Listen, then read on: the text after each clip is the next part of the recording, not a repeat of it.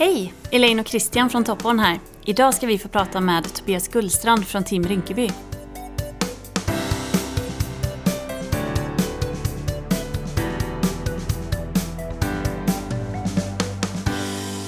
Ja, då säger vi välkomna till eh, Tobias Gullstrand. Du är ju bland annat eh, säljare, tomte, fotograf, julgranshämtare och cyklist. Tack så mycket. Ja, eh, Göteborg till Paris. Vi här på kontoret undrar lite lätt. 150 mil på en cykelsadel. Hur känns det egentligen? Vi startar faktiskt till och med i Borås. Eh, så första etappen är Borås till Göteborg. Eh, men eh, inte riktigt, det blir inte riktigt 150, det blir ungefär 130 mil på en vecka, lördag till lördag. Det känns, och det är väl egentligen inte... I mitt tycke så är det inte distansen som är det jobbiga, utan det är tiden i sadeln. Och det är ju liksom när man dag tre sitter på cykeln i 12 timmar igen, då eh, skaven kommer liksom. Oavsett man vill eller inte. Eh, så det känns. Men samtidigt så tänker man på varför man sitter på cykeln. Och då är ett skav i rumpan inte så mycket egentligen. Dag tre säger du. Vi, vi klarar ju inte en mil knappt, vi vanliga som inte är elitcyklister. Jo då. Alltså, tittar man på Team Rinkeby som projekt så är det ett projekt som faktiskt passar alla. Vi har folk som aldrig suttit på en landsvägscykel innan. Vi har folk som eh, inte ens cyklat till ICA, om man uttrycker det så. Eh, de cyklar utan problem 130 mil till Paris. Men inte utan någon träning innan? Nej, inte utan träning innan. Och det är projektet för vår del börjar ju redan i oktober. Med gemensamma träningar, jakt på sponsorer, eh, event, insamlingsaktiviteter. Och träningen är ju, det är mycket fokus på träningen. För det är ju, kommer man tillbaka till det som jag var inne på förut, just med att tiden i sadeln är det som är jobbigt. Eh, om vi kan cykla 27 km i timmen i snitt istället för 22, ja men då sparar vi några minuter per dag och får lite mer vila istället. Men är det i snitt 12 timmar per dag som man cyklar under en veckas tid? Nej, det är lite olika. Tittar man på hur etappen är upplagda, hur vi hade det förra året, då hade vi första dagen 15 mil ungefär. Sen 20, 15, 20, så det var ungefär en jag ska inte säga att 15 mil är en kort dag, men för vår del så var det ju en kort etapp ja. eh, i jämförelsen. Ja. Men hur, eh, hur läggs det upp? Liksom, vem har planerat hela träningen och allting inför hur det, ska, hur det ska läggas upp för att man ska klara det? Tittar man i teamet så är vi i dagsläget 39 personer. Eh, vi har en styrgrupp som består av bland annat en träningsansvarig och då en liten träningsgrupp som den personen ansvarar för. Och I år så har vi minimerat den extremt, så det är bara två personer egentligen som ansvarar för träningsupplägget. Och det är Mia som är, hon är, jobbar ju som personlig tränare. Så hon vet ju exakt vad vi ska göra och inte ska göra. Eh, sen har hon lite cykelerfarenhet, men inte jättemycket. Medan då Stefan, som har cyklat i flera år, vet ju när vi väl kommer ut på cyklarna i vår. Ja, men det här är bra runder, det här behöver vi träna på, fartlekar, intervaller, backträning eh, långdistans och så vidare. Mm. Mm. Du, du sa att ni hjälps åt med träning och sponsor. Jagar ni sponsorer allihopa liksom eller? Vi har ju en sponsorgrupp eh, där vi bestått av fyra personer. Men det är inte vi fyra som drar in sponsorerna utan det är ju laget ihop. Och eh, när man, man söker ju till Team Rinkeby. Det är ett projekt som man ansöker till. Vi själva står för alla omkostnader och ser man på det krasst så betalar man 30 000 kronor för att cykla till Paris och samla in pengar till Barncancerfonden. Och det finns inget krav på att om du måste dra in tre guldsponsorer, två silver, en brons eh, eller vara med på 40 event. Men kravet som uttalat är att man ska vara delaktig och försöka. Mm. Vad, vad, är det för kriterier för att, för att liksom få komma med? Egentligen inga, höll jag väl på att säga. Eh, men ändå är det reglerat vilka som får vara med? Ja, men det är ju reglerat i form av att vi vill ju ha åldersfördelning, eh, kön blandat killar tjejer. Det ska vara olika yrkesgrupper. Eh, I år så har vi de som är strax över 20 och den äldsta är över 60. Så det är väldigt brett. Eh, vi hade en deltagare i ett annat lag förra året som tror jag fyllde 75 på vägen ner. Oj. Så det är liksom... Det finns inga åldersgränser egentligen. Nej. Eh, Men det är ju just att man förstår, alltså det som jag brukar säga, att cyklingen i det här är egentligen sekundär. Mm. Mm. För det är samla in pengar till Barncancerfonden som är det viktiga. Och det är ju vikten att man som deltagare förstår projektets innebörd i form av att okej, vi gör detta för att samla in pengar till Barncancerfonden. Cyklingen, ja det är en kick-off för oss, eller en kick-out, eller vad vi nu uttrycker det som. Men det är vår, det är vad vi får igen egentligen, fast samtidigt så har vi som sagt betalat ganska mycket pengar. Vi har lagt extremt många ideella timmar på insamling och träning ihop för att bygga ihop laget. Eh, Så det är någonting man får tillbaka. Cyklingen är lite PR-byggande Ja, men bara det är egentligen. ju, det är ju PR-byggande. Det är, ju- tittar man på trafikmässigt på sociala medier och sånt så är det ju den veckan går ju inte ens att jämföra med resten av året. För det är ju det som drar trafiken. Och ser man på till exempel sponsorbiten så är det ju då vi att vi cyklar till Paris hjälper till att uppmärksamma sponsorerna. Och går man in som sponsor så är det ju, så tittar man på er här på Topporn så har ni gått in som guldsponsor. De pengarna ni skänkt till Barncancerfonden via oss. Antingen hade ni kunnat skänka de pengarna direkt till Barncancerfonden eller så hade ni kunnat göra det via oss. Och nu har ni valt att göra det via oss och då får ni, som jag brukar uttrycka en gratis reklamplats Mm. under ett års tid i, genom projektet. Mm. Så det är vårt sätt att tacka att ni har gått den vägen för att hjälpa till att uppmärksamma er också. Men sen kan man sponsra under själva tiden ni cyklar också. I Absolut. form av kilometrar eller... Ja men så, det kan man verkligen göra. Ja. Och det är ju som nu, nu har ju guldsponsorperioden precis stängt. Mm. Eh, och vi har fått ihop 50 företag som har gått in med 25 000 kronor eller mer. Vilket är helt fantastiskt. Mm. Tittar man på Sjuhärad som lag så startade vi vårt lag förra året. Vi har varit många boråsare som varit med tidigare men då har vi gått under Jönköping. Så förra året i Sjuhärad så hade vi 32 eller 33 guldsponsorer. Och sen nu i år då så har vi 50 egna. Eh, så det är ju en jätteökning och det är, man märker att projektet här i Sjuhärad det uppmärksammas på mer och mer. Det syn, vi syns. Och det, det är som vi säger lite ibland att det är inte jätteroligt kanske alla gånger att vara en annan välgörenhetsorganisation i Borås just nu för det är väldigt mycket fokus på Barncancerfonden och Team Rinkeby. Men det är som när man, alltså jag kan säga till mig själv när jag jagar sponsorer. Får jag ett nej från ett företag och de säger att nej men vi skänker redan till Rädda Barnen. Då tackar jag för mig och tackar för att de gör en insats åt det hållet istället. Mm. Hade de däremot inte skänkt åt något håll alls så kan man ju tycka att Ja, det är kanske det är dags att börja skänka. Men så länge de bidrar till någonting så spelar inte det någon roll för min del. Nej. Hur många lag finns det i Sverige? I Sverige är vi 15 lag i år. Ja. Vi har två nystartade. I Skaraborg hade vi med två deltagare hos oss förra året. Mm. Och de var två i Göteborg med tror jag, där uppifrån. Mm. Så nu har de startat igång ett eget lag och sen har även Dalarna kommit igång. Mm. Vilket är roligt. Mm. Det är det nordligaste laget i Sverige just nu. Mm. Och sen ser man i hela projektet så är det ju ett, det är ett nordiskt projekt. Med 50 lag totalt. Med Island till exempel har ju ett lag. Eh, De har lite jobbigare träning än vad vi har för de har ju ganska kallt och mycket snö. Mm. Samma sak Färöarna, de har ju fyra grader ungefär. Tills de ska cykla till Paris. Och ser man första året jag var med då hade vi 42 grader i skuggan första dagen.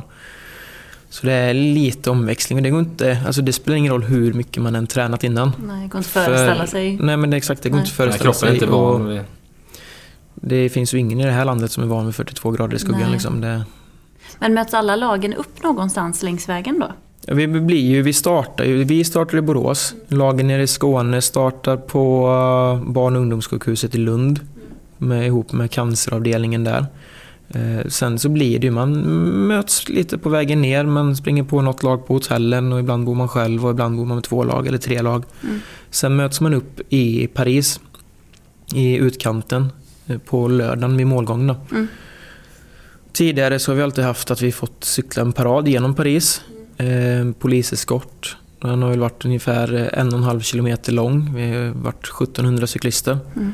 Men i fjol så drog ju myndigheterna in det tillståndet. Sett till hur ja, hotbilden i Europa Mm. ser ut. Så då blir det målgång och en liten parad runt det området kan man väl säga. Man cyklar ett varv innan man cyklar in genom portalen. Mm. Sen skulle då istället, det var ju förra året 44 lag tror jag, ta sig respektive lag till hotellen från nordöstra Paris. Och då var vi lite halvrörigt istället då. Så det hade blivit lika rörigt om vi hade haft en parad innan. Ja, jag tänkte säga, då Ja. fick polisen att göra på alla andra ställen Ja, istället. vi skulle försöka navigera genom cykelbanor som tar slut och korsningar som inte helt plötsligt är enkelriktat. Men det, Ja. det löste sig till slut också. Mm. Du, jag tänkte på, nu, nu har vi hört liksom hur, det har varit, hur det är nu med Team Rinkeby, men kan man få höra lite om historien bakom liksom? Absolut. Team Rinkeby började som ett företagsprojekt egentligen. Eh, eller det var en anställd på Rinkeby Foods i Danmark som 2001-2002 fick en eh, diagnos, lungsjukdom.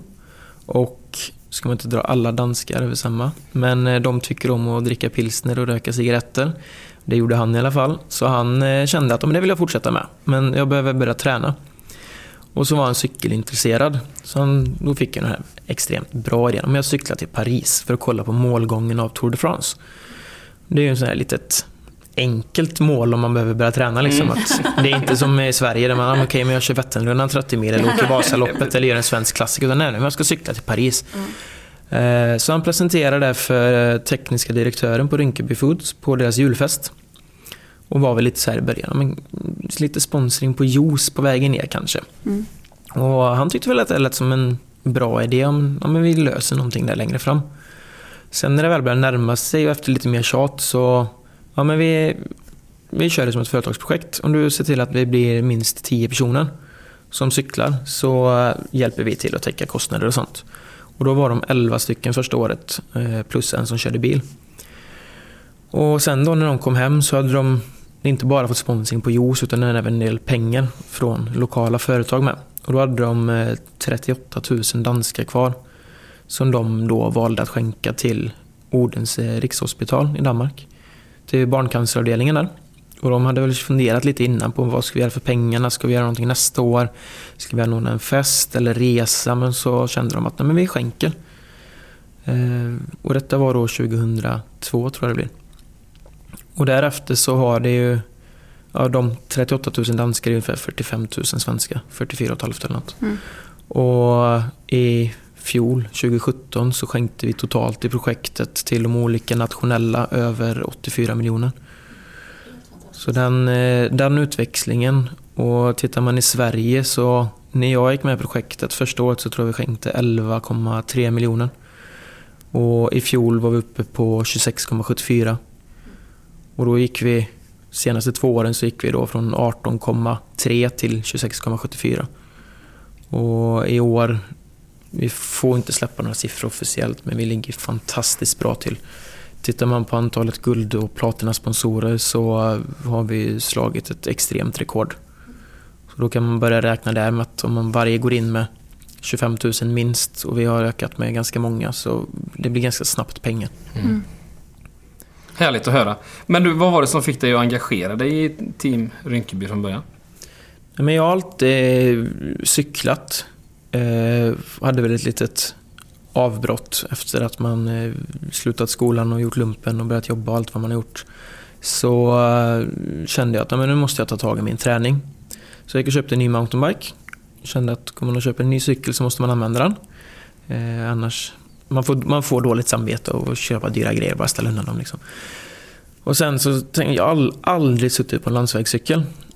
Men så eh, kände jag, men nu har jag kommit igång med cyklingen, konditionen kommer tillbaka och det kan vara kul att testa på lite distans istället för att bara vara ute och stöka i skogen i två timmar. Så då hittade jag en på Blocket.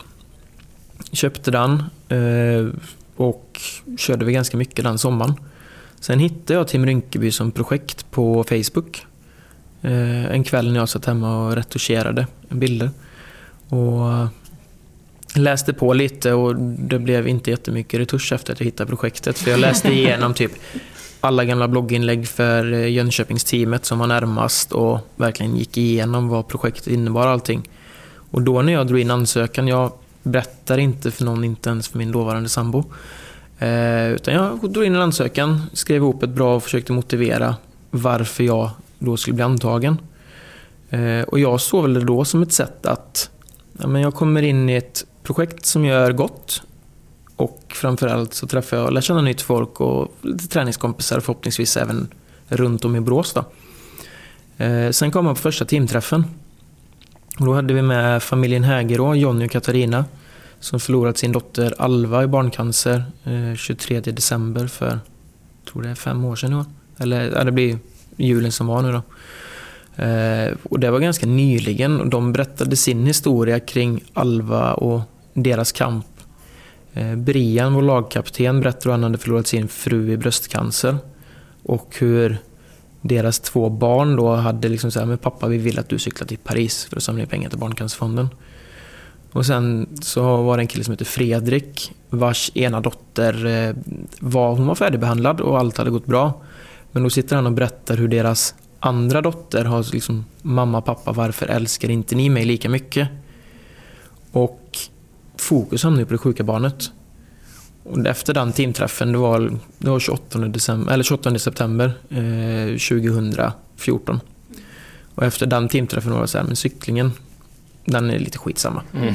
Utan nu är det, det är pengar till Barncancerfonden på alla sätt som går. Och första året så var jag sponsoransvarig i Jönköpingslaget då. Drog inte in en enda sponsor själv. Och då var man väl lite så här halvbesviken och kände lite misslyckande. Men man har ändå lagt grunden där. Och då var vi 15 stycken tror jag från Sjuhärad. Och nu i år så är vi ju 40. Mm. Bra ökning. Ja men det är en bra ökning och det gör ju att, att vi var 15 då gör ju att vi fick ju ett eget lag som blev Sjuhäradscentrerat. Liksom. Och från början så ville de döpa det till Borås och då kände vi att nej, vi vill heta Sjuhärad för att vi har folk från Alingsås, eh, Herrljunga-hållet, Ulricehamn och heter man Team Rinkeby Borås ja, då vet ju resten av Sverige vart vi ligger för de har ju lite svårt för Sjuhärad. Men går man till en sponsor i Ulricehamn så är det lättare när vi heter Sjuhärad för att det blir ett gemensamt projekt liksom i det hela. Mm. mm. Men du har cyklat, varit med och cyklat tre gånger? Som... Jag har varit med tre år och är med i projektet fjärde året i år nu då. Ja. Eh, I år kommer jag inte cykla. Nej. Utan jag, jag är med och tränar och med i Sjuhäradslaget som ansvarig för eh, framförallt media PR. Men eh, vi hade ett avhopp tidigare i höstas och då hamnade jag in i sponsorgruppen också. Men jag kommer åka med mediateamet nationellt i år. Så jag kommer växla mellan de olika lagen på vägen ner ihop med en kille som heter Anders som vi kommer köra foto och film tillsammans då. Kul att träffa på de andra lite också. Ja. Det blir en annorlunda upplevelse nu när du har som sagt cyklat och gjort den biten. Ja men det blir lite och sen är det jag, jag ska inte lova men garanterat så kommer man ju vara med ett år till. Alltså det blir, man kan inte släppa projektet. Och det är lite som folk skämtar liksom så här, en gång Rinkeby, alltid Rinkeby eller en gång gul, alltid gul. Och det, så är det ju liksom. Jag menar jag, och även om jag kliver av Rinkeby-projektet så kommer jag fortfarande brinna lika mycket för Barncancerfonden. Och de insamlingarna så länge jag själv har chansen att påverka och göra skillnad. Mm. Mm. Ja, det är klart, det har ju blivit en stor del av den du är. Ja, men det har ju blivit det och det är liksom... Det är olika initiativ. Sen fick jag ju själv cancer för två, ett år sedan, två år sedan. Eh, hudcancer. Eh, och då blev man ju ännu lite mer så här... I mitt fall så var det en leverfläck som jag tog bort. Jag tog, fick ta bort lite mer vävnad, sen var jag klar. Eh, jag hade tur. På pappret har jag haft cancer. I huvudet så har jag väl inte alltid haft det. Eh, försökte bli blodgivare, blev nekad på grund av det och då blir man lite så här, men jag är helt frisk, det är inget fel på mig. Jag har eh, inte legat på behandling som alltså barn eller vuxna. Och det gör ju liksom att på pappret har jag haft det men inte, inte i huvudet. Mm. Och då blir det ännu ett sätt att så här, men jag vill bidra och göra skillnad för att jag har chansen och möjligheten. Mm. Mm. Är det fler som du har träffat på under de här åren som om man ska säga har haft samma ingång till Rinkeby som du har haft? Att det har varit mer fokus på, eh, på cykling eller på träning? Eller liksom, men, eh... Det är ganska många som faktiskt kommer in med och tror att det är ett cykelprojekt. Och det är lite därav just ansökningarna när man ansöker att det är så viktigt just att för vi har ju vissa som man bara läser ansökan och så direkt bara, men den här personen det är inga konstigheter, den här personen kan vara med. Mm. Sen så har man de som man är lite osäker på. Då väljer man att man kanske tar träffa dem över en fika för att lära känna dem lite mer och få en inblick i, okej okay, men har ni förstått vad projektet handlar om? Eller tror ni att det är ett cykelrace? Mm. Är det det som avgör om man vill ha med någon eller inte? Ja, men det är lite för att det är ju liksom just insamlingen är det primära. Mm. Och då om man bara är intresserad av cyklingen, men då Finns då, det andra grejer att göra? Ja, men då finns det andra grejer mm. att göra och då den personen kanske inte riktigt lägger samma tid och fokus på att vara med på de gemensamma träningarna för att man kanske ligger på en högre nivå själv. Eh, man kommer tycka det går långsamt på vägen till Paris för att vi är inte snabbare än den, den som är långsammast för dagen. Och det kan variera, alla har en dålig dag, framförallt ska man cykla 130 mil på en vecka så alla kommer ha sina dalar. Oavsett hur stark man än är. Och det kan vara att eh, Tittar man i somras så hade vi två dagar med ösregn från morgon till eftermiddag. Och sitta på cykeln då i 20 mil, då man är inte på världens bästa humör. Sen har vi ju de som är på bra humör ändå och sitter och sjunger samtidigt. men Alltså, man får ju lyfta varandra. Ja. Vi, hade, vi hade ju en fråga om det var så här tävlingsmoment cyklister emellan, men det känns som du svarar lite på det. Nej, men det är väl... Alltså, på vägen ner så är det ju inte det. Sen är det ju klart på träningar och lite sånt. Vi är ju många, många cyklister och de flesta använder ju Strava som träningsapp och där kan man ju plocka lite segment och tävla mot varandra individuellt. Mm. Eh, när vi är ute och tränar så är det i princip alltid gemensam fart.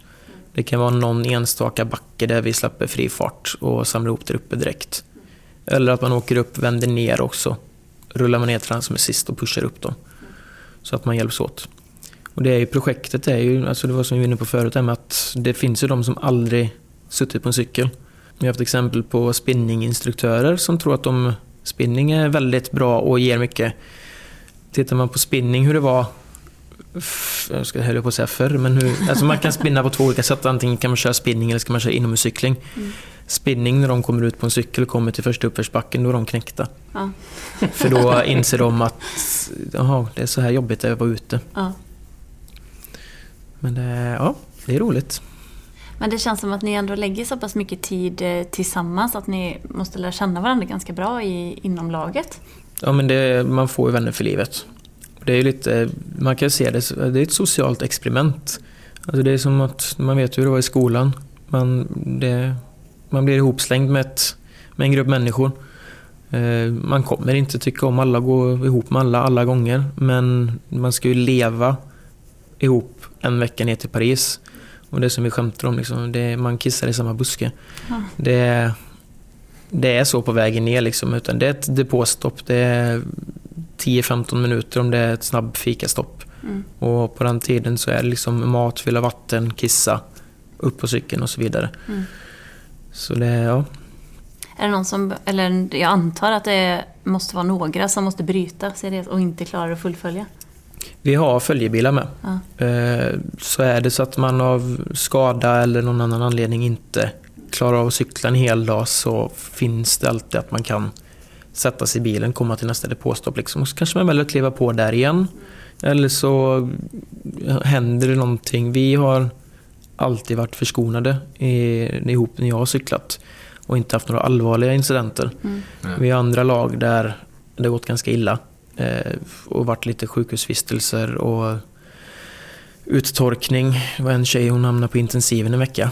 Eh, fått i sig alldeles för lite vatten. Mm. Eh, någon annan gick av cykelbanan, satte sig i ett träd, bröt bägge armarna. Oh. Eh, så det är mycket sånt eh, som händer. Och det är liksom, vi, vi ligger i klunga mm. och har en, två decimeter till bakhjulet på cykeln framför. Mm. Och är det så att det kommer någonting och den längst fram bromsar, då är det ju tvärstopp längst bak. Mm. Så det är också jätteviktigt just det med träning, att vi blir ett lag. Så att vi lär känna varandra i... Jag vill liksom kunna veta hur Stefan är när han har en dålig dag. Bara för att veta att okej, okay, men nu är han en dålig dag, då kan jag göra så här för att hjälpa till att lyfta upp honom. Eller så vet jag att men nu ser jag att han är trött och nu kanske vi ska lägga honom längst bak. Mm. Eh, för att det blir lite vingligare per mm. automatik. Är det någon som bestämmer liksom så här, nu får du vara längst bak? Eller? Vi har ju två lagkaptener i laget. Mm. De har ju yttersta ansvaret. takten, typ. Sen har vi vad vi kallar för road captain som ansvarar för klungan respektive dag. Mm. Eh, vi kommer antagligen köra två klungor i år igen och hålla dem lite mindre bara för att ju större klunga desto ryckigare blir det. Eh, så klungorna kommer väl vara runt 13-14 personer per klunga ungefär. Mm. Och då är det en person som ansvarar för klungan som bestämmer liksom att men nu tycker man att det går lite för långsamt i rotationer, att de ligger fram och tjötar för mycket när de drar, men då är det den personen som pushar på liksom, att nu är det dags att rotera. Eh, ser man att någon är lite trött, då lägger man den personen längst bak så att han får ligga där och bara åka med ett tag. Slippa, slippa dragjobbet. Mm. Ja, Tobias, nu har vi ju hört massor om cykelloppet, men eh, avslutningsvis måste jag ändå fråga vad är det konstigaste och galnaste som har hänt? Alltså det händer ju ganska mycket konstiga grejer på vägen ner kan man väl säga. Allt från att man har 42 grader, bara det i sig är konstigt, eh, Eh, i skuggan. Men eh, vi har haft depåstopp där vi hoppat ner och badat i en flod under den dagen för att försöka kyla ner oss. Eh, vi har haft eh, kissestopp, en tysk hållpla- eller rastplats Där, ja, vi killar tog första busken till höger och tjejerna satte sig på en fin rad bakom lastbilen. Problemet var att tio sekunder efter att alla hade satt sig så körde ju lastbilen iväg. Och, eh, ja, det är sånt man kommer ihåg av diverse olika anledningar. Eh, lastbilschauffören fick väl en upplevelse för livet där också när han fick 12 vita rumpor uppradade i backspegeln. Nej men som vi har konstaterat så eh, Team Rinkeby bidrar ju otroligt mycket och alla ni enskilda personer i det också. Men du har ju även andra projekt där du bidrar otroligt mycket till Barncancerfonden eh, i de projekten med. Eh, vi tänker framförallt på eh, Tomte, när du auktionerar ut dig själv. Mm. Eh, hur fick du idén till det? Det är en kille som heter Jonny ifrån Varberg som har varit med i Rinkeby tidigare också, som eh, auktionerat ut sig eh, på samma sätt. Och det var med, det uppmärksammades i en av årsfilmerna för något år sedan. Och då kände jag lite att men, det är ett ganska enkelt sätt att vara med och bidra och skäggväxten har jag. Och i detta fallet känner jag lite så här, men man hade kunnat auktionera ut sig själv ändå med ett vitt lösskägg fast det är väl inte riktigt samma, jag tror inte det hade fått samma genomslagskraft. Nej. Utan i detta fallet så blir det som om jag sparar skägg från Senast, eller, bägge åren har jag egentligen varit från avresan till Paris fram till jul. Mm. Så har jag ju sparat ut skägget.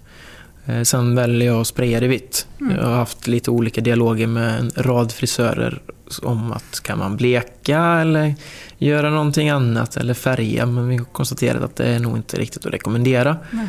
Utan det blir det sprayfärg som gäller. Mm. Eh, och som sagt, det, jag anser ju i detta fall med just tomtegrejen att jag lägger lite tid eh, på julafton och dagar runt omkring. Men sen pengarna kommer ju in dels via auktionen men sen även via folk som bara bidrar via Swish. Mm. Och det är ett enkelt och tacksamt sätt att bidra. Mm. Du dubblade nästan nu är det förra året då mot vad du gjorde för förra året. Första året så drog jag in 82 500 eh, och då valde jag att, eller valde, jag körde det som ett inlägg på min egen Facebook-sida. Eh, och var väl lite så här, men nu ska jag göra detta aktionen sker, eller budgivningen sker i kommentarsfältet. Snälla hjälp mig att sprida ordet. Eh, när jag träffade BT eh, efter att de hade fått information om det, då var det lite så men vad har du för mål? Jag har lärt mig nu efterhand att jag är extremt dålig på målsättning. men eh, då var det så men 20 till 30 000. Då är jag ganska nöjd. Eh, det året så blev det 82 500. Mm. Och de 20-30, man kom upp till det ganska snabbt. Mm. Nu för eh, i fjol så valde jag att starta en Facebook-sida. Tomte mot barncancer. Eller jag hade egentligen startat, jag hade huggt sidan tidigare liksom för att claima namnet. Mm. Men eh, tänkte att men det är lättare för då, framförallt också för att få se spridningen. Mm. Jag vill ju veta vad jag har för spridning på inläggen. Liksom. Mm. Eh, det kan man. Jag var i kontakt med Facebook gällande första året på min privata. Men eh, de kunde inte plocka fram det. Eh, så då kände jag men då startar vi en företagssida och trycker ut den vägen. Mm. Och det tog ju knappt en vecka så var det ju över tusen personer som hade gillat sidan. Mm. Eh, spridningen på auktionsinlägget, jag tror den slutade någonstans på 36-40 000 visningar. Så det, det, Facebook som medie är ju väldigt tacksamt. Mm. Och sen så valde jag ju att jag delade vissa grejer på min privata. Jag bjöd ju in alla vänner. Eh, jag blev spärrad av Facebook fem eller sex gånger för att jag hade bjudit in för mycket folk. Och då ligger den spärren i några, ett eller två dygn. Sen kan man bjuda in ett litet gäng till och sen så spärrar de igen. Så man fick hålla på där ett tag. Eh, Men jag valde att inte trycka ut så mycket i min, på min privata, utan mer. Jag delade vissa inlägg. Så sen så fick vi en liten boost för på jobbet, jag jobbar nu i Borås bil, så valde vi att auktionera ut en, en inbytesbil som vi hade fått in. Vi körde igenom den i rekonden och gjorde väl, alltså det var en win-win för att vi ville ha en bil som var lite halvdan som vi kunde visa med att så här kan vi göra med bilen i vår rekond. Mm. Eh, Med de tjänsterna som vi har erbjudit. Så vi har fotat och filmat där i. eh, För att trycka ut det i våra kanaler. Mm. Och sen så valde vi att om vi auktionerar ut bilen och så skänker vi allting oavkortat. Sen så blev det en liten twist där för Ford som då tillverkat bilen valde att gå in och skänka eller buda 25 000 kronor på auktionen. Eh, stannade av lite och de säger sen att men vi skänker tillbaka bilen så behåll pengarna. Mm. Så de skänkte 25 000 och sen så gick de för 20 000. Så där, bara där kom det in 45 000. Ja. Och samma morgon som auktionen var, det var onsdagen innan, torsdagen innan julafton. Då gick jag över 82 500 som var totalen från första året. Då. Mm. Och sen så kom ju de 45 000 in. Mm. Sen pushar man lite, så på julafton när jag kom hem till mamma på kvällen så hade jag 143. Mm. Och kände att ja, men 150 ska jag kunna komma upp i innan dagen är slut. Eh, misslyckades faktiskt med det. Jag tror julafton stannade på 147. Sen dagen efter så la jag ett inlägg på min privata. Det är liksom så här, men nu har jag så här många vänner, skänker ni 50 kronor var så genererar det så här många forskartimmar. Skänker ni 100 kronor var, 100 kronor idag, det är en lunch på stan. Efter jul så har vi ganska mycket mat över, vi kan ta två lunchlådor utan problem från resterna. Mm. Och så kan man skänka en hundralapp. Eh, Efter att jag publicerade inlägget så fick jag en swish i minuten under första timmen. Det var, den vibrerade konstant, telefonen. Mm. Så det var lite roligt för Sveriges Radio och BT ringde nästan samtidigt där för att ha en liten kort uppföljning. Mm. Och reporten på BT, hon var lite så här, ja men vad är du uppe i nu? Jag bara, jag är uppe i den här summan. Körde vi intervjun och sen så bara, du vänta lite, du ska få en uppdatering. Jag hade hoppat upp 4 eller 5 tusen under tiden vi pratade i telefon bara. Ja. Så hon blev ju lite chockad där. Eh, Men efter det inlägget så fortsatte det rassla på. Så totalen landade på 211 570 Åh, kronor. Helt fantastiskt. Mm. Och då stängde du ner den strax före nyår eller Ja, jag stängde ner den eh, natten torsdag, fredag, Ja. eh, mellandagarna. Mm. Sen kom det väl in eh, 300 kronor efter det, så de inräknade de 570 där då. Mm. Men det, nej, jag vet, målsättningen i år var väl att komma in på åtminstone slå föregående år, kanske gå upp mot 100. Mm. Eh, sen när bilen gjorde sitt, ja, men då blev man så här, men nu är uppe i 100, ja, kanske 150 är ju en drömgräns liksom. och sen så när man kom upp i 200 och sen 210, man bara man fattar ju inte själv vad det är som händer. Ja, det är otroligt mycket pengar. Ja, det är ju Ja. så extremt mycket pengar och de pengarna gör ju verkligen så stor skillnad. Mm. Och det är som jag säger, liksom jag, jag gör det enkelt för folk att bidra och lägger lite tid. Mycket tid. Ja, men det är alltså, räknar man effektiv tid så kanske jag har lagt fyra arbetsdagar. Jag lägger julafton. Julafton är ju hektisk. Första familjen är ju klockan åtta på morgonen och sen var jag hemma hos mamma halv åtta på kvällen. Mm. Och han med 15 familjer under tiden. Mm. Men eh, det är ju lyx för mig för jag får ju fira jul eh, 16 gånger på julafton och sen med pappa dagen efter. Så det är ju så mycket jul. Och Det är många, alltså det är den vanliga reaktionen, men firar du inte jul själv? Jo, men om jag kommer hem till mamma på kvällen, äter julmat, kör julklappsspel, delar ut julklappar och sen umgås med familjen i två timmar innan jag åker hem. Alltså åker jag dit vid lunch så halvsomnar man i soffan, kollar på Kalle Anka, ät, alltså det är samma sak. Mm. Vad får du för reaktioner när du kommer ut eh, till de här familjerna på julafton? Jag har ju barn som har börjat tro på tomten Mm. igen. Som hade släppt det ett tag men som helt plötsligt tror de kollar ju liksom skägget. De inte rycker i skägget men de är väldigt noga med att kunna kika in bakifrån liksom och Ja. se att skägget sitter fast. Ja.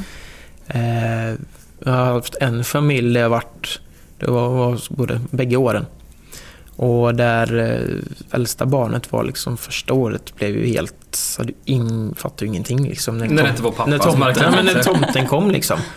Och sen så när samma tomte då kom nästa år igen, då...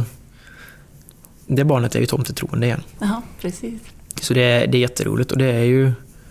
Alltså träffa alla olika familjer. Det, Men det är nära stan som du håller dig, eller hur? eh, ja, jag har ju... Tiden har ju varit en halvtimme Mm. och en kvart transportsträcka mellan varje. Och sen har jag i auktionsinlägget skrivit liksom att ja, men vill man... Bor man lite längre ifrån så är man in och nollar på sin egen tid. Mm. Jag var lite stressad i år, eller nu senast, när jag gick igenom vilka som hade vunnit auktionen och började kolla adresser. När man insåg att men först så ska jag till Bosnäs, sen ska jag till stan, sen ska jag till Dalsjöfors för att åka till Sandared, för att åka tillbaka till Dalsjöfors, för att åka till stan, Sparsör, stan, Sandared. Alltså det var väldigt... Det blir stressigt för tomten. 23,5 mil åkte jag på julafton. Men tidsmässigt så var det inte ett problem någonstans alls. Mm. För en halvtimme tomtetid är väldigt lång tid. Man kan dela ut hur mycket julklappar som helst där utan att ens stressa. Vilket gjorde att redan efter de två, tre första besöken så låg jag ganska långt före i tidsschemat. Mm. Så då var det liksom bara, men man slängde iväg ett meddelande till nästa familj så, så kan jag komma lite tidigare. Så står jag, jag står standby och väntar liksom tills jag får ett OK från er. Mm. Och det var ju inte problem hos någon familj alls utan det var det flöt på jättebra. Ja, tomten kan väl aldrig komma för tidigt på julafton? Nej men det är väl lite så. Jag hade en familj som bara Oj vi gick precis upp. Det var en av de första familjerna men fem minuter senare bara nu kan du komma. Mm. Så det var perfekt. Ja. Kommer du fortsätta?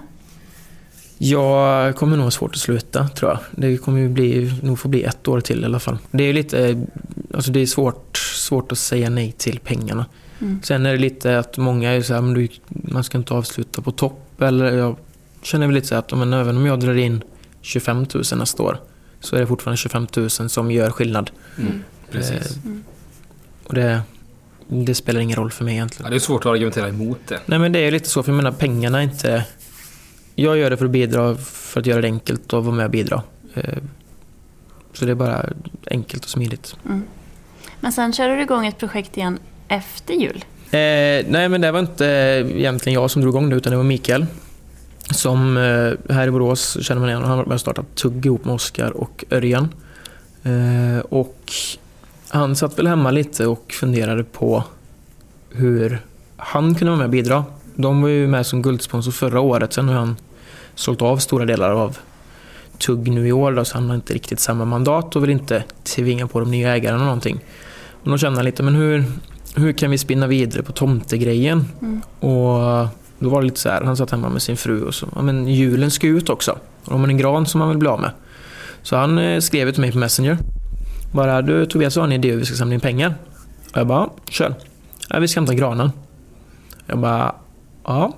Det låter väl egentligen ganska enkelt och logiskt. Mm. Han bara, ja, men jag löser all logistik. Du behöver inte egentligen tänka på jättemycket utan jag samlar ihop adresserna, jag fixar släpkärror och alltihop. Så bara du, du är med på tåget Mm. och sen hjälper till och försöker få ihop lite folk. Jag bara, mm, absolut. Sen blev det ju, jag tror jag hämtade 220 granar. Eh, stod på torget också. Där, det var egentligen bara en tjänst för att dels synas lite givetvis, men även för de som bodde i stan. Eh, för ett enkelt sätt att komma och lämna granen. Ja. Det blev inte jättemånga på torget. Men eh, nej, Ryaverket gick ju in, de hade ju öppet hus samma dag. Ja. Så vi fick ju en eh, egen infart till och med för att slippa trängas med alla andra. Så vi åkte bara in med släpen, lastade av och åkte vidare. Mm. Så vi var 11 ekipage. Mm. Gick på, ja, egentligen, vi var ju nästan klara på två timmar. Så det gick väldigt snabbt och smidigt. Tittar man pengamässigt så blev det över 43 000. Var du tomte då med eller? Då var jag inte tomte. Mm. Vi funderade först på om vi skulle vara små gula nissar vi i Rinkeby, men vi kände att nej. Men det blev det, alltså, enkla pengar där med, för då var det också så här, men vi hämtar din gran, du skänker minst 100 kronor Mm. eh, direkt till vår insamling.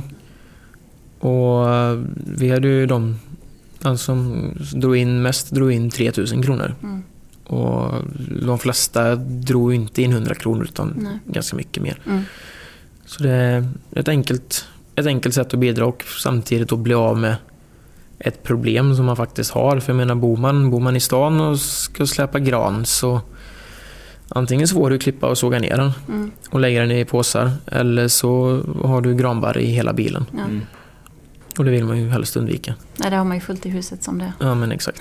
Städar du efter dig när du hämtar granen? Eller? De flesta stod utanför. Vi hade en gran som stod eh, inne på en innergård där vi fick sopa ihop barren i små fina högar i trapphuset. För den var en av få granar som verkligen barrade. Men eh, ägaren där fick en liten eh, kommentar sen att han borde vattna sin gran bättre nästa år. Så han lovade att göra det. Ja, men det är bra. Tänker ni att ni kör det nästa år också? Mikael är på. Mm. Och han har väl eh, tänkt att försöka växla upp det här. Mm. Han har mycket bra kontakter runt om i Sverige och känner väl att det går att växla ut det till fler städer Mm. eh, på ett enkelt sätt och kunna få in ännu mer pengar. Men Mikael har ingen koppling idag till Tim Rinkeby utan det var... Ingen koppling alls sponsor. idag utan det var ju som sagt sponsor förra året Mm. och tycker det vi, både tomtegrejen och det som projektet gör och Mm. är ett bra sätt. Men eh, bortsett från att vara med och rädda världen så har du ju ett yrkesliv också. Japp, På Borås Bil nu då, som vi har nämnt. exakt. Vad är det du gör där? Jag har eh, titeln webbsäljare. Eh, saken är den att jag inte ska sälja, så titeln är lite motsägelsefull. eh, jag sitter en av, ja, jag tror att jag är ganska ensam i branschen i Sverige på den tjänsten som jag har. Mm. Så jag jobbar egentligen enbart dedikerat med alla våra webbförfrågningar. Mhm. Så allting som kommer in via Wake som vi använder nu som är en egenstartad motsvarighet till Blocket kan man säga. Mm. Enbart bilar. Mm. Eh, som branschen har gått ihop och startat för att vi ledsnar lite på monopolet som Schibsted hade med Blocket och Bytbil. Mm. Så vi kör mycket där. Sen kör vi fortfarande Blocket och Bytbil delvis. Mm. Eh, kommer gå ur det ganska snart. Men alla förfrågningar som kommer där Mm. går direkt till mig. Mm. Eh, bygg din Volvo går också direkt Mm. till mig. Så fördelar jag ut det på säljarna så att rätt säljare får mejlet eller leaden som vi kallar det för Mm. och se till att åt, de återkopplar. Mm. Eh, Så i vissa fall så kommer jag med ett färdigt, en färdig affär till säljaren. Mm. Och här har du, du behöver skriva ut pappret, eh, skriva under och leverera bilen så har du din provision. Mm. Då är de ganska nöjda. Mm. När jag startade i mars förra året så var det väldigt skeptiskt. Och tjänsten hade inte funnits innan Nej, du... tjänsten är helt ny.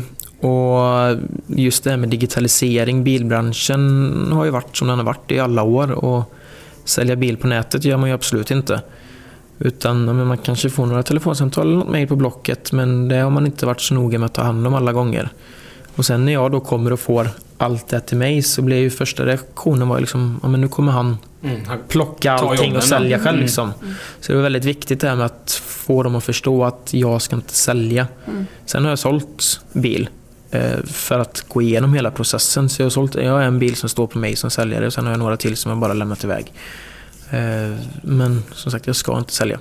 Men jag sitter, man kan säga att jag sitter mellan marknad och sälj hos oss. Mm. Eh, Lite flytande för jag, jag är med på alla säljutbildningar och går samma utbildning, eller liksom produktkunskaper och så som de har. Mm. Provkörningsaktiviteter och de bitarna samtidigt som jag är med på marknadskonferenser för att veta vad, vad kommer näst, vad är, planerar ni för kampanjer och aktiviteter från centralt håll från återförsäljarna eller från ja, märkenas sida. Mm. Vilken spännande roll.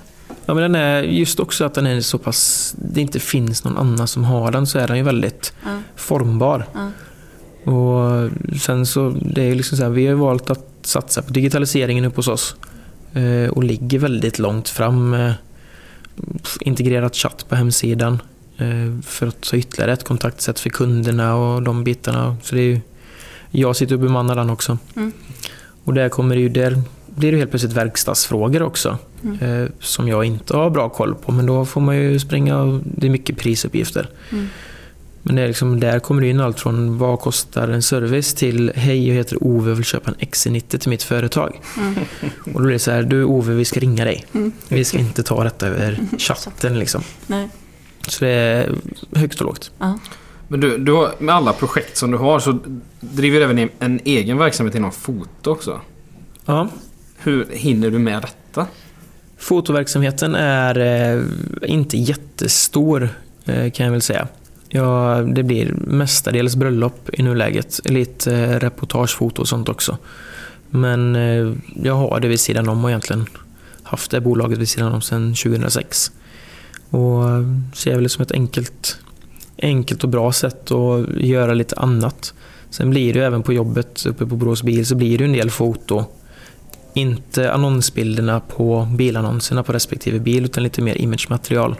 Eh, även fast många av våra märken har extremt bra material själva så känner vi att men vi, Borås bil finns i Sjuhärad, vi har fyra filialer och vi vill ju ha material härifrån. Mm.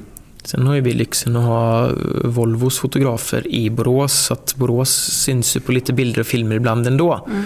Men där känner vi ändå att men vi, vi vill kunna branda lite eget material. Mm. Eh, Volvo har ju fångat upp och repostat lite på Instagram och på deras internationella hemsida till och med av våra bilder nu. Mm. Det sista, så det är roligt för då, mm. de är ju Borås bildbrandade liksom. Mm. Men du har aldrig jobbat heltid med ditt egna? Utan... Eh, Nej, utan jag har alltid haft det vid sidan om. Ja. Eh, jag var ju på Nelly.com tidigare. Ansvarade för hela vår fotoproduktion där. Jag hade ju fortfarande mitt eget vid sidan om. Mm. Bara för att, men egentligen just bröllopsfoto det är det sista. Mm. Eh, fotat lite mingelbilder och sånt förr i tiden men det är lite andra uppdrag nu för tiden. Mm. Kul. Och det var ju lekterapin först. Mm, exakt. Eh, ja, efter jag var på Nelly så kände jag, jag har haft samma tjänst där som eh, produktionsledare egentligen då i fyra och ett halvt år. Kände att det var dags att göra någonting annat. Så jag sa upp mig innan jag hade någonting klart. Och hörde av mig till lekterapin uppe på sjukhuset. Med egentligen frågan om man kunde få komma dit och volontära en dag i veckan. Bara för att jag kände att men jag, har inget, jag har inget jobb klart. Jag har en del semester som jag har tagit ut liksom bara för att jag kände att för Nelly så, i och med att jag hade budgetansvar och allting, så kände jag att jag vill bryta vid årsskiftet. Mm. Så att Anna som tog över det efter mig att hon skulle, jag vill inte in och röja i 2017 för hennes del. Mm. Och då kände jag att årsskiftet är bra, bra brytpunkt.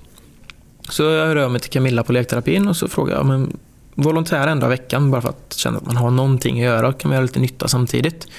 Och bara, så kolla med min chef, jag återkommer. Fick jag tillbaka fem minuter senare. Du, eh, du vill ta ett vikariat på 75%? Och jag bara, vänta lite nu. Jag har aldrig jobbat med barn. Jag har varit skolfotograf, men jag har aldrig jobbat med barn på det sättet. Mm. Och volontära en dag i veckan gentemot jobba 75 procent. Viss skillnad. Eh, så. Men jag bara, ja men det... Jo, men absolut. Men med förbehållningen att jag har annat på gång. Och kommer kanske inte kunna vara kvar hela vikariatet ut, vilket då var tre månader. Mm. Eh, och det var ju de fine med. De hade någon annan tjej som de hade haft i åtanke också där.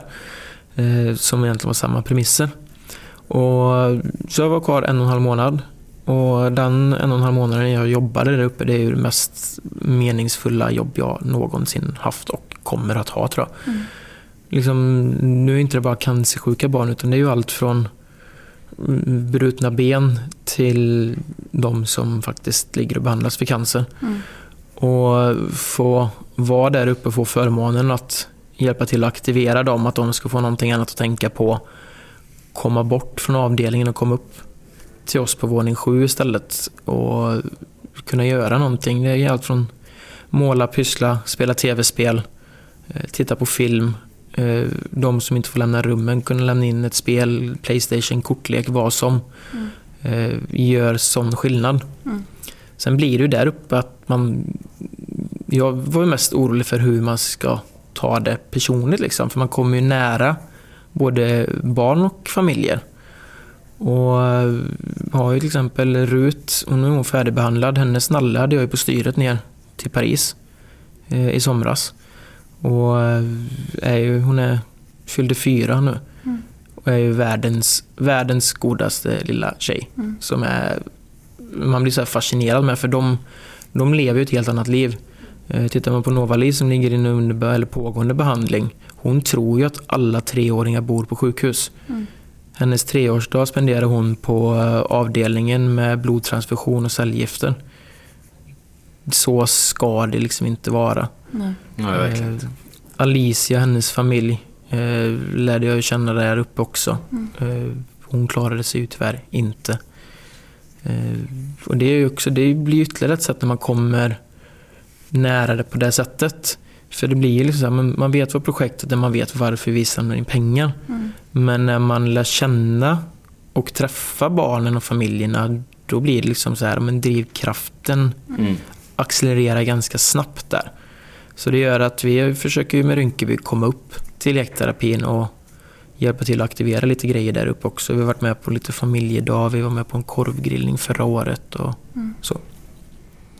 Hur hanterar man det? Jag tänker om man är i det hela tiden. En jätteeloge till de som jobbar på lekterapin varje dag men det måste vara så svårt att inte eh, ta med det för mycket med sig hela tiden och att, det, att man går ner sig i det liksom.